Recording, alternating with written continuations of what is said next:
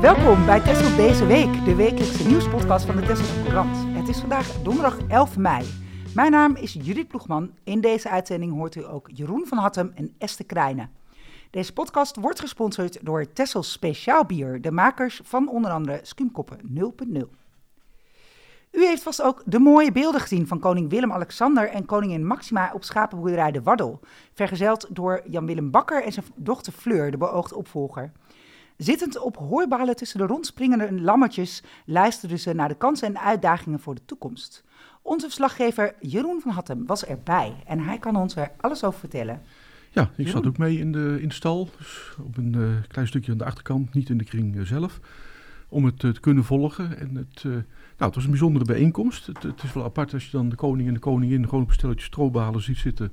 Commissaris van de koning bij, een dijkgraaf van het Hollands Noorderkwartier er ook bij. En ze hadden een gesprek, eh, dat was wel grappig, het leek oud, en het was een gesprek over de toekomst, eh, wat ze hadden. Dus onder meer over de omgang met zoet water op eh, Texel. Daar kwamen Arnold Langeveld en Mark Slot over aan het woord. Dus het project Zoete Toekomst, opslag van water in de bodem, dat je in droge tijden het water weer uit kan halen. Een heel innovatief systeem is dat. Ja, ja. Nou, het- dat is handig als je een koning erbij hebt zitten die watermanager is. Dus Nou, hij zat ook aandachtig te luisteren. Dat. Nou, en verder zijn ze eh, bij Kaap Skil zijn ze nog geweest om de jurk te bekijken. En ook bij de maquette van de Reden van Tessel. En daarna zijn ze doorgegaan naar paal 9. Hebben ze ook nog een gesprek gehad met een hoop eh, Tesla's. Dat was bij het strandpaviljoen beneden. bedoeling was aanvankelijk om buitengesprekken te hebben. Maar goed, dat was het weer niet helemaal naar. Nee. Het Dus was, ze zijn eh, rap naar binnen gegaan. Ja, het was gewoon rot weer. Dat is zonde bij zo'n bezoek. En daarna nog een afsluitend eh, bezoek bij paal 9 bij het strandpaviljoen zelf. Het was nog eventjes informeel, dus voor iedereen die betrokken was, om eventjes eh, even na te praten. En eh, krijg je dan ook de gesprekken mee die daar plaatsvinden? Ja, met, dat klopt. Ja, je zit erbij, dus wel een klein stukje op afstand. Dat als er foto's worden gemaakt, dat je niet meteen in beeld zit. Ze hadden alleen bij paal 9, dat was nou, noodgedwongen, dus twee tafels waar dan twee tafels tegelijk gesprekken werden gevoerd. Nou, dat is net of je naar twee radiozenders aan het luisteren bent, dan krijg je niks mee, maar dat, dat maakt er niet uit. eh. Hey, waar ik heel benieuwd naar was, ik begreep dat ehm, Erik Polderman, de eigenaar van de surfschool, sprak over het eh, onderdeel maken van de zeewering van het Ja, paviljoens. ja, dat was iets dat eh, vond ik wel zelf ook interessant om te horen. Dus ging uit van, dus, nou, ze willen ook graag met strandondernemers een visie maken op de toekomst.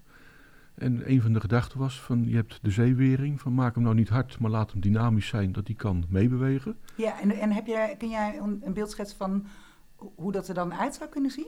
Nou, ik vermoed, maar dat is mijn eigen interpretatie, dat als je nou te maken krijgt met een situatie dat een strandpaviljoen op een plek staat dat eh, de duinen er min of meer omheen groeien, is het nu zo dat Hoogheemraadschap kan zeggen van nou, naar voren met die handel. Wat onder meer bij paal 17 het eh, geval is. Mhm. En wat ik goed, eh, althans wat ik beproefde uit de visie van die de strandexploitant op tafel wil leggen, is dat je gaat kijken naar mogelijkheden om te zeggen van nou, als er toch een paviljoen staat, laat hem onderdeel zijn van. En, en dat scheelt ook een hoop eh, kosten. En nou, met inbegrip dat niet meteen de duinen en de zeewering wordt eh, aangetast. Maar, het was in ieder geval een visie waar ze mee bezig waren. Ja, ik ben heel benieuwd Ja. hoe dat zich verder ontwikkelt. Ja. En eh, nu waren de jongeren, Berber van eh, Young Forever en V. Pekel waren er ook. En er waren een aantal jongeren met wie eh, gepraat werd. Ja. Rodney Stolk en Thomas van der Vlerk. Ja, en Sil van Heerwaarde. Ja, de politieagent. Ja. ja. goed. Kan je daar nou, iets over vertellen? Nou ja, dat waren mijn twee radiozenders tegelijk, dus ik heb niet alles meegekregen, maar ik kreeg wel, die heb ik toch in de krant meegenomen van Sil, die ook vertelde, dus nou, speciaal teruggekeerd voor het werk naar Texel. Maar vervolgens ook vrij veel moeite gehad met het vinden van huisvesting voor zichzelf. En dat was ook wel een van de centrale thema's van het bezoek. Dus leefbaarheid en inherent eraan, het, het eh, nou, je eigen kunnen vestigen op het eiland. Dat mensen dat graag willen, maar er moeten ook wel de mogelijkheden ervoor zijn. Ja, en dat geldt voor alle eilanden, eh, heb ik eh, Ja. gelezen. Ja. Op alle eilanden is dit eigenlijk het grootste probleem. Hè? Het in stand houden van de, eh, van de voorzieningen die er zijn en Ja. het eh, vasthouden van jonge mensen. Ja, dus alles samengevat in het woord eh, leefbaarheid. Maar dat je inderdaad scholen overeind kan houden met voldoende kinderen. Dat mensen boodschappen blijven doen bij de supermarkt. En nou, dat je woning kan vinden, dat je je inkopen doet hier. En ook nou, misschien nog wat vrijwilligerswerk, maar in ieder geval de boel mee, mee overeind houden. En hoe het klinkt is dat er niet alleen eh, problemen op tafel gelegd zijn over die leefbaarheid, maar dat de, genodigd, de mensen die eh, uitgenodigd zijn ook juist heel erg oplossingen aangedragen Ja. hebben. Ja. ja, het is niet eh, dat uh, Willem-Alexander Maxima twee dagen lang alleen maar problemen hebben aangehoord. want Nee, hè? dat houden ze ook niet vol. Nee, nee, Nee. Dat, eh, dat, dat, dat klopt. Dus dat ook wel gekeken Nee, het, klonk heel optimistisch wa- wat er, wat er, wat er uitkwam. Nee, daar wordt ook aan gewerkt. Kijk, er is ook nog van de regio-deal, dat, dat zit er dan weer onder. Dus er komt 15 miljoen euro van het Rijk komt naar de Waddeneilanden toe. Ook voor de voorzieningenniveau en de leefbaarheid. En nou, het is ook voor het staatshoofd dus dat ze dan kunnen komen luisteren van hoe zijn ze ermee bezig. eh. En hoe wordt die 15 miljoen besteed? Eh, Dat zijn de eilanden onderling nog met elkaar aan het eh, overleggen. Bekokstoven. Dus bekokstoven en verdeelsleutels en weet ik wat allemaal. Ja. Dus- Nou, we, we komen er vast op terug. Ik ben benieuwd hoe dat zich gaat ontwikkelen. Nou, en verder eh, na bezoek aan Texel zijn de koning en de koningin nog doorgegaan naar Vlieland, de Schelling. Daar hebben ze overnacht in de Groene Draak. En daarna Ameland en Schiermonnikoog. En ik denk dat ze woensdagavond ergens op de bank op Soesdijk hebben gezeten. Even bijkomen. Dat, want het is een vrij intensief eh, programma. Nou, het is zeker een intensief programma. Ja. Ja, ze zijn hier aangekomen met de helikopter, Ja. eh, begreep ik hè? Ja, half En- tien kwamen ze aan. Ja, en de bedoeling was eigenlijk om het allemaal met een, of de, de- wens was om het allemaal met veerboten te doen, maar dat is logistiek niet haalbaar. Ze zijn wel met de veerboot tussen Vlieland en Terschelling. Ja, dat klopt. Dan zijn ze met de veerboot. En verder inderdaad gewoon puur praktisch met de helikopter. Want anders, het was, dit was een hele grote logistieke operatie. Zo, En- het is, lijkt me zoveel informatie in een eh, paar dagen tijd. Nou, het voordeel is, zij hoeven zelf, ja, je wordt geleefd, maar in feite hoeven zij echt alleen te focussen op de gesprekken die ze voeren met mensen. En de hele entourage eromheen, die houdt alle tijden in de gaten en die staat aan elkaar te gebaren, er één minuut, twee minuten en dan is het weer door. Moet maar voor hun, je staat voorlopig in, doorlopend in de belangstelling en je moet doorlopend aandacht hebben voor de mensen met wie je aan het praten bent. Ja, ja en doorloopt aandacht hebben voor het eh, netjes op de foto staan. Ook dat, ja, dat eh, moet, daar ben ik ook inherent aan, maar inderdaad, iedereen staat overal foto's te maken. Dus, eh, Hey, en jij liep natuurlijk met je lintje op als lid van de Orde van Oranje Nassau. Dat hoort er dan wel bij. Dus dat uit eh, respect voor het lintje. En nou, zijn handtekening staat er ook onder de voordracht. Dus dan, eh, dan doe je hem netjes op. Dat, eh, En wordt daar dan ook nog een opmerking over gemaakt? nee hoor. Dat, Dat is hij- een vanzelfsprekendheid beschouwd dat jij lid bent van de Orde van Oranje Nassau. Of het lintje valt gewoon niet op hoor. Dat kan ook. Dus, dat is, maar ik zorg er wel voor dat ik hem netjes op heb. Mooi. U leest erover in de krant van vrijdag in een uitgebreid verslag van Jeroen. De documentaire-serie De Jurk en het Scheepswrak van Arnold van Brugge is genomineerd voor de Zilveren Nipkoff-schijf 2023. Dat werd woensdagavond bekendgemaakt in het tv-programma Jinek. De Zilveren Nipkoff-schijf is de oudste en meest gezaghebbende televisieprijs van Nederland, toegekend door een jury van Nederlandse mediajournalisten en tv-recensenten. De prijs bestaat sinds 1961. De andere genomineerde tv-programma's zijn de vierdelige documentaire Onze man bij de Taliban van journalist Thomas Erdbrink en regisseur Roel van Broekhoven en de vijfdelige dramaserie Rampvlucht over de Bijlmerramp. Op 15 juni wordt bekend wie van de drie de prijs wint. Horeca-activiteiten op boerenbedrijven liggen onder vuur. 19 bedrijven zijn aangeschreven. Volgens de gemeente zijn de activiteiten niet in lijn met het bestemmingsplan buitengebied. Op twee van de 19 bedrijven is een handhavingstraject gestart. Voor twee andere bedrijven is dat in de maak. Op verschillende bedrijven kunnen bezoekers op een terras koffie, thee of taart bestellen. Of er staat een drankautomaat of mobiele horecastand. Maar dat mag niet, zegt de gemeente. Ook ondergeschikte horeca is zonder vergunning niet toegestaan op boerenbedrijven. Vreni en Rezi Siebert en Jaap Dros kregen bijvoorbeeld zo'n brief. Zij hebben een theetuin aan de Halleweg. Opmerkelijk is dat zowel het adres op de brief als de datum waarop de controle plaatsgevonden zou hebben niet klopt. Ook schapenboerderij Tessel en kaasboerderij Wezenspiek werden aangeschreven. Voedselbos Tessel, dat voorheen de zelfpluktuin heette, kreeg ook controle, maar zij ontvingen geen brief. Eigenaar Jacke Boerze zegt dat het bedrijf al sinds 2003 beschikt over een vergunning ondergeschikte horeca en detailhandel. Ook ijsboerderij Labora beschikt over zo'n vergunning. Het lijkt er vooralsnog op dat de gemeente de bedrijven de tijd geeft om hun activiteiten te formaliseren. Zij moeten hun bedrijfsvoering voor 31 oktober wijzigen of een vergunning aanvragen. De visserijorganisaties in de kop van Noord-Holland hebben de krachten gebundeld. De producentenorganisaties van Tessel, Wiering en Den Helder gaan samen verder als de coöperatieve producentenorganisatie en beheersgroep Noordelijke Visserijalliantie, kortweg NVA. Door de krachten te bundelen willen de organisaties de belangenbehartiging verbeteren, beheertaken efficiënter kunnen uitvoeren en innovatie aanjagen. Het nieuwe bestuur staat onder voorzitterschap van Gert-Jan Wiegman, oud-directeur van de Wieringen Scheepvaart. De vicevoorzitter is de Tesselse Esther Krijne van de TX19. Zij is bij ons in de uitzending om er meer over te vertellen. Welkom Esther. Dankjewel voor de uitnodiging. Ja, graag gedaan. Blij dat je er bent. Zeker. Hey, uh, allereerst, wat doet de NVA allemaal? Ja, de, de NVA is, uh, ja, wat, wat je al zegt, hè, is dat geformeerd door uh, het samenvoegen van drie producentenorganisaties. Op Texel is die ooit in 1993 opgericht. Hè, dus een collectief van de, van de Tesselse vissers. En wat doen zij dan? En dat doen eigenlijk alle producentenorganisaties in Nederland, want er zijn er veel meer. Is dat ze een administratieve taak hebben voor het beheer van de visquota's, de viscontingenten. En ook het registreren van, uh, van, uh, van de visserijopbrengsten. Dat wordt allemaal gemonitord en dat wordt gecommuniceerd met tussen de afslagen, de handel en ook de ministeries. Zodat er eigenlijk ja, iedere week een update is van hoe het staat met, met de viscontingenten. En en, Kun je dat eens toelichten, de viscontingenten? Ja, ieder schip, uh, ja, dat is uh, ook in de jaren negentig zo ontstaan. die heeft een ja, visquotum, dus een hoeveelheid vis die men mag vissen. Een aantal van die vissoorten, zoals tong en school en noem op, die hebben quota's. En de kotters hebben individueel zo'n quotum. Dus ik noem maar wat, een kotter mag bijvoorbeeld 100.000 kilo school opvangen. Maar al die quotums zijn in zo'n producentenorganisatie ook in, als het ware in een mandje samengevoegd.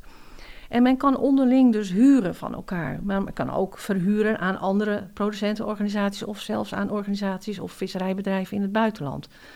Maar al met al is de bedoeling natuurlijk dat je niet boven het gehele nationale quotum qua visactiviteiten uh, uitkomt.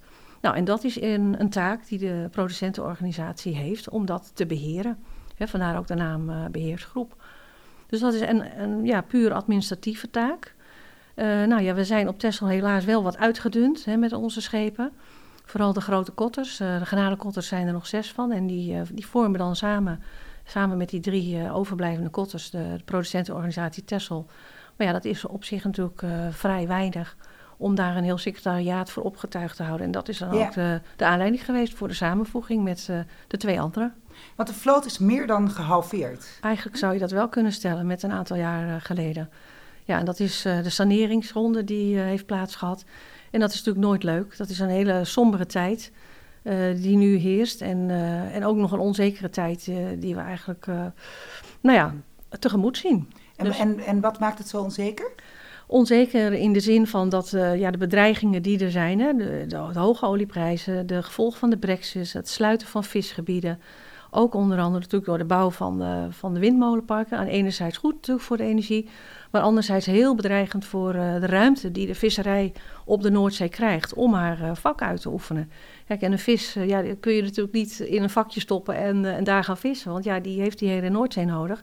En als het even tegen zit, is straks die, de halve Noordzee bedekt met ja, in ieder geval gebieden waarin niet gevist mag worden vanwege de windmolenparken, maar ook natuurlijk nog de toenemende aantal eh, natuurgebieden. Dus ja, als visserij ga je dan ook, uh, tweede punt eigenlijk wat, wat zo'n producentenorganisatie doet, is belangenbehartiging. En opkomen voor, voor ja, de rechten en, en wensen van, van de sector. En dat is ook dus in gesprek gaan met, met allerlei bestuurlijke organisaties, ministeries, ook wetenschap en natuurorganisaties, om te kijken van, ja, hoe komen we er dan toch nog samen uit? En dat, dat, is, dat is wel een stukje perspectief proberen te geven voor degene die nog willen blijven vissen. En dat vinden wij ook, want de zee heeft ook het recht om ons van vers voedsel te kunnen voorzien. Het is niet alleen Noordzee natuurlijk, maar ook de, de Waddenzee. Hè, met, waarin de, de granalenvisserij plaatsvindt. Dus ja, dat zijn allemaal best wel uh, onzekere tijden van hoe, hoe zich dat nu verder ontwikkelt. Ja, en nu kom jij uit ja. een uh, visserijfamilie en dat is ook de reden waarom ja. jij uh, gevraagd bent hè? Ja, hiervoor. Ja. ja, wat ik al zei, de, ja, het bestuur is toch wat uitgedund of raakt uitgedund. een aantal kotters die gaan de sanering in. Ja, er is ook geen reden meer om dan in een bestuur nog plaats te nemen. Dus is die zelfs die... juist pijnlijk omdat we... Ja, zeer. Dat denk ik uh, zeker. Ja. ja. Er is natuurlijk heel veel, uh, heel veel gebeurd. En uh, dat zijn ook mensen die van generatie op generatie in de visserij hebben gewerkt. En waar ook nog wel nou ja, jongeren aan boord zaten. Even opvolgers. En die hadden natuurlijk, denk ik, ook in hun hart het liefst door willen gaan. Maar goed, wij gaan dan met drie andere kotters nog wel door. En vandaar ook de vraag van ja, er moet toch een vertegenwoordiging ook namens die kotters in het bestuur. En ja, die bal is bij mij terechtgekomen. Ja. Ja, en ja, wat, wat je zegt, ik ben ermee opgegroeid. Met de paplepel uh, ingegeven. Ja, dat uh, praat makkelijk. Hè? Je weet, weet een beetje hoe de hazen lopen. Ja, en daarnaast heb jij ook, jij hebt een bedrijf, ja. jij hebt een bedrijf Innovund. Ja. ja jij adviseert ja. bedrijven over innovatie. Dat zal hier ook een heel belangrijke rol gaan spelen, kan ik me voorstellen. Heeft het al gedaan natuurlijk, tien jaar geleden met de opkomst van de pulsvisserij. Hè, natuurlijk gedeeltelijk ook een Texelse uitvinding en, uh, en ontwikkeling, die heel belangrijk was voor nou, het efficiënt en nou ja, ook rendabel vissen op vooral de tong, tongvisserij. Was jij bij betrokken ook? Ja. Bij de ontwikkeling ja, van de... Nou ja, natuurlijk niet in de technisch van, maar wel rondom de financiering en subsidies met een ja. aantal bedrijven dat gezamenlijk op Texel gedaan. Dat is eigenlijk ook de hele aanleiding geweest voor, voor het verder ontwikkelen van het bedrijf. eerst die visserij-innovaties en later is dat ja, ook uitgebreid naar naar de horeca, naar uh, de agrarische sector en eigenlijk alle bedrijven die aan het innoveren zijn. En waar uh, een stukje subsidie of financiering voor moet worden geregeld. Oh, wat interessant ja. om te horen. Dus dat, ja. is, dat is ontstaan vanuit... Ja, de... ja, dat is eigenlijk de hele aanleiding geweest voor de oprichting van een bedrijf op dat vlak. Ja. ja. En dat was niet op Texel. En wij, dacht, wij dachten ook van ja, wat voor één bedrijf of twee bedrijven kan, dat kunnen we natuurlijk ook voor andere bedrijven doen. Het is anders heel zonde als je die, die mogelijkheid laat liggen. Nou, Ja? Dat hebben we inmiddels wel ontdekt, want uh, ja, zo stadig aan uh, ja, ontwikkelt zich dat meer ook naar duurzame energie natuurlijk. De, de, technologische ontwikkeling in de agrarische sector, ja, dat houdt eigenlijk niet op. Dus dat, het klinkt als een hele interessante samenkomst van, van, van vaardigheden, ja. vrouw, om, om ook een belangrijke rol te kunnen spelen in dit verhaal. Want er zijn, wat ik van je begrepen heb, er zijn nog mensen die uh, af moeten ronden. Hè? Dus er zijn korters gesaneerd en die hebben nog quota. Ja. Uh, en die moeten, dat, dat moet afgehandeld worden. Dus die zitten nog in een afhandeling. De toekomst is heel onzeker. Ja. Er moeten innovaties komen om ja. te zorgen dat er gevaren kan blijven worden. Dat klinkt als je op het lijf geschreven om dat te doen. Ja, zeker, zeker. En dat is ook weer, ook weer een onderdeel van die producentenorganisaties. Dat we toch naar de, naar de innovatieve ontwikkelingen gaan kijken. Dat doen we ook landelijk ook in het Visserij-innovatienetwerk, dat, uh, dat uh, in Den Haag is uh, opgestart. En we kijken met, met de hele sector in Nederland, ook met de scheepsbouwers, ook met onderzoekers, ook natuurorganisaties, naar waar de ontwikkeling kan plaatsvinden. En dat is na de puls niet eens zo heel makkelijk hoor. Dus, en ook het varen op andere brandstoffen is voor het ene schip misschien wel makkelijk, maar voor de traditionele kotters niet. En zelfs ook niet zo voor, uh, voor de garnalenvisserij. En, uh, maar die moet toch ook aan uh, innovaties denken. Hè? Onder andere de katalysator die straks verplicht op ieder garnalenkotter moet zijn geïnstalleerd. Zodat ze toch eind van het jaar weer een nieuwe vergunning voor een aantal jaren kunnen ontvangen. Nou ja, ook allemaal terecht. Hè? We werken al mee aan de, aan de stikstofvermindering uitstoot, of in ieder geval vermindering van de uitstoot. En zo zal er uh, iedere keer weer een, uh, ja, een nieuw item bij komen. En dat is ook innovatie. En waar ja. we met z'n allen uh, ja, effort in moeten steken. Om, ja, om, om dat ook beter te maken. Ook die samen, samenhang tussen natuur en economisch gebruik hè, van de ruimte. Ja? ja. Wat, zie je als een, um, als een gunstig toekomstscenario? Um, nou, toch met, met een nieuwe technologie en uh, toch misschien ook scheepsontwikkeling. Hè? Want uh, ja, de, vraag is gewoon gesteld, ook aan de, aan de scheepswerven, hoe kan het anders? Uh, dat, um, nieuwe type brandstoffen, hè, die, die zuiniger zijn, milieuvriendelijker. maar dat is natuurlijk niet allemaal van, van vandaag op morgen. En dat, ja, dat is natuurlijk wel een, een lastige uitdaging. Ja. Om, ja, en een uh, uitdaging waarbij ook het uh, bestuur, een heel, of de democratie om, eromheen eigenlijk een heel belangrijke rol speelt. Hè? Want wat er nu gebeurde was dat hier de, de pulsvisserij een um, vrij snelle ontwikkeling was, maar dat die vervolgens in Brussel ja, afketste. Ja, ja, het was een, eigenlijk een soort van pilot, zo'n testfase met een aantal vergunningen. Nou, dat was zo succesvol, dus dat iedereen wilde eigenlijk zo'n vergunning. Maar uh, ja, het viel nog steeds in, uh, onder het kopje pilot. En uh, ja, die ontwikkeling is zo gunstig en snel geweest, maar toch een stukje vergeten om de landen om ons heen daarin mee te nemen. En nou, ik hoop dus dat ook rondom die puls, dat daar nog weer een tweede kans gaat komen. En de geluiden uit Den Haag en dergelijke, en ook omringende landen, zijn nu veel positiever. Oké, dus jij ziet ja. eigenlijk wel toekomst voor de pulswisserij? Ja, ik zie daar, ja, daar heb, ik, uh, daar heb ik echt wel vertrouwen in. Maar dan op een andere manier ingestoken dan dat het voorheen is geweest. Hey, en, en als er dan gezegd wordt, die schepen zijn uh, gesaneerd, hè? betekent dat dat die schepen dan ook, dat die pulsen dus ook...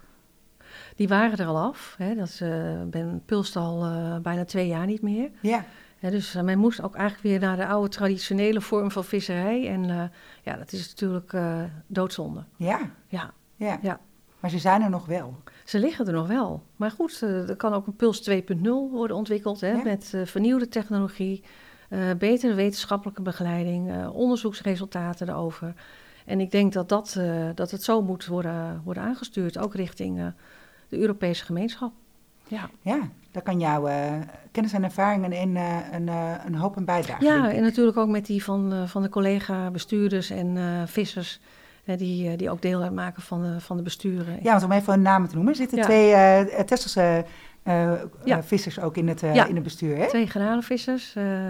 dat is Johan Daalder en Richard, Richard van der Vis. Ja. ja. Hele actieve en, en betrokken bestuurders ook. En prettig om mee samen te werken. Hey, ik, ik ga je heel veel succes wensen met deze uitdaging, want dat zal het wel zijn. Ja, dat is het, dat is het zeker. Het is het is niet alleen maar uh, halleluja, en, uh, maar we moeten toch de, de, positieve blik moeten we blijven houden. En ja. daar ga ik ook voor. Dankjewel. De 70-jarige Martin Koger vertrok op 18 oktober op zijn fiets en kwam op 21 april terug. Hij fietste in die tijd 12.000 kilometer naar Ararat, de hoogste berg van Turkije aan de oostgrens van het land. Hij fietste via Frankrijk, Monaco, Noord-Italië, Slovenië, Kroatië, Albanië, Griekenland en Zuid-Turkije naar de Ararat en langs de Zwarte Zee weer terug via Bulgarije, Roemenië, Servië, Hongarije, Tsjechië en Duitsland over de autoweg. Hij maakte een aantal spannende momenten mee, temperaturen van min 30. Hij werd aangevallen door honden en gered door een voorbijganger die met een getrokken pistool uit een auto stapte. Ook was hij twee weken voor de aardbevingsramp vertrokken uit Zuid-Turkije. Toen Koger op 21 april de boot naar huis pakte, ging hij eerst nog even langs de Lidl om boodschappen te doen. Hij had geen idee dat hij daarmee het welkomstcomité bij zijn huis vol spanning liet wachten. U leest een mooi verslag van Eva Groot in de krant van komende vrijdag met een belangrijke slotboodschap. Ik kom vaak mensen tegen die zeggen: later wil ik. Maar als het kan, doe het dan nu. En na deze aanmoediging gaan we naar de traditionele slotvraag. Welk nieuws is je de afgelopen week het meest opgevallen? Esther, wat is jou opgevallen? Um, nou, je had het over die Nipkoff-schijf. Maar uh, vanochtend hoorde ik op de radio uh, ook een hele mooie ere Nipkoff-schijf. voor het programma Even tot, Even tot Hier. Daar kijk ik altijd met heel veel uh, plezier naar. En uh, ik vind het kwalitatief echt heel goed. Om, uh, kan, je, dat... kan je vertellen waar het over gaat, het programma, voor de, voor de mensen die het niet ja, kennen? Ja, gewoon actualiteit, maar op een hele creatieve manier aan elkaar verbonden. Met humor en zang. En ja, het deed me weer een beetje denken aan, aan andere, oudere programma's waar ik vroeger dan wel naar keek. En, op zaterdagavond met natte haartjes op de bank. ja, ja. Ja, maar ook volgens Coat en de Bie, ook de actualiteit, maar op een humoristische manier uh, en soms absurdistisch uh, aan elkaar uh, gevoegd. Ja. Dat is een aanrader dus. Zeker, ja. En jij Jeroen? Ja. Behalve, behalve al het nieuws over het Koninklijk Huis. Koninklijk Nou, ik kan aansluiten bij Esther. Ik moet zeggen, ik kijk niet veel op tv-programma's, maar even tot hier probeer ik altijd mee te pakken. Dat, dat, dat is gewoon echt een bijzonder programma. Ja. Nee, waar ik zelf, uh, dat was, ik, ik weet niet, ik, ik heb het half gelezen, dus helemaal niet goed, maar ook weer een bericht over de taalonderwijs en rekenvaardigheid. Dat dat uh, best zorgenkindjes zijn en blijven in uh, landelijk. En nou, ik maak in mijn werk ook wel eens mee dat je denkt van oeh, het schrijven was helemaal niet leuk. Dat, dus dat, dat viel mij op. Maar, en waar merk je dat dan aan? aan, dat aan soms die je krijgt? geschreven teksten krijgen dat je denkt, dus iemand die heeft echt met tegenzin zitten schrijven of die vond het helemaal niet leuk om te schrijven en... Nou, ik sta er zelf soms wat minder bij stil. Ik vind het hartstikke leuk om te schrijven, maar dat er ook gewoon mensen zijn die dat helemaal niet leuk vinden. Dat, uh, ja, dus dat, nou, dat bericht mij even opviel. ja. ja. Ja, nou, uh, laten we hopen dat dat, uh, ik hoop het ook. Ik ben een groot voorstander van voorlezen en gewoon lezen van boeken. En eh, niet vijf minuten en geen korte Twitterberichtjes. Gewoon even lekker wat, wat langer lezen. Gewoon echt een verhaal. Juist. In een verhaal duiken. Ja. ja. Dat was het voor vandaag. Volgende week zijn we er weer. Deze podcast wordt gemaakt door mij, Judith Ploegman. U hoorde ook Jeroen van Hattem en Esther Krijnen over de visserijsector. De eindredactie is in handen van Michelle de Vries. Deze podcast wordt gesponsord door Tessels Speciaalbier, waarvoor dank.